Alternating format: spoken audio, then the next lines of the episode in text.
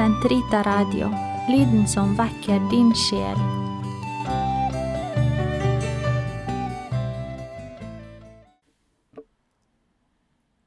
Den katolske kirkes katekisme, uke 10, fredag, paragraf 1852 til 1855. Syndenes mangfoldighet. Syndenes mangfold er stort. Skriften setter opp flere lister over dem. Brevet til galaterne setter kjødets verk opp mot åndens frukter. Og hva kjødets verk er, det er klart nok. Et vanhellig liv, utukt og utsvevelser, avgudsdyrkelse og magi, hat, fiendskap og nag, uvennskap og intriger, splid, misunnelse og partivesen, drikk, svir og annet av samme slag.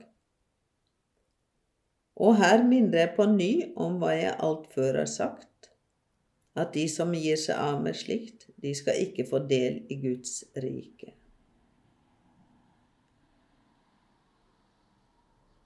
Man kan skjelne mellom syndene alt etter objekt, slik tilfellet er med alle menneskelige handlinger, eller etter de dyder de står i motsetning til eller etter de bud de utgjør brudd på.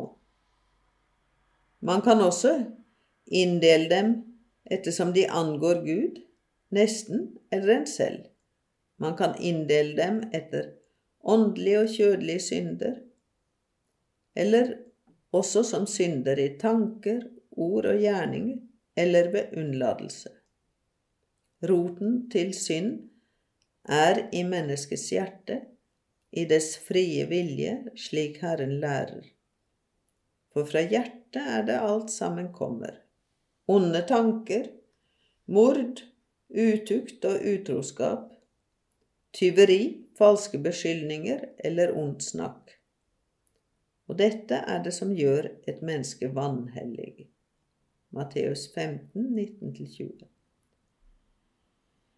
I hjertet bor også kjærligheten, opphavet til gode og rene gjerninger, og som synden sårer.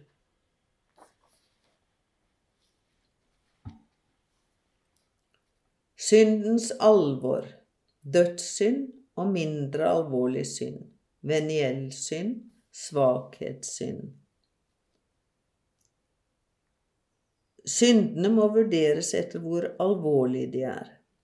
Forskjellen mellom dødssynd og svakhetssynd, som allerede antydet i Skriften, er blitt vanlig i Kirkens tradisjon. Den bekreftes av menneskelig erfaring. Dødssynd ødelegger kjærligheten i menneskets hjerte ved en alvorlig forseelse mot Guds lov. Den vender mennesket bort fra Gud, menneskets endelig mål og salighet ved å foretrekke et mindre gode fremfor ham. Veniell synd lar kjærligheten forbli, selv om den krenkes og såres.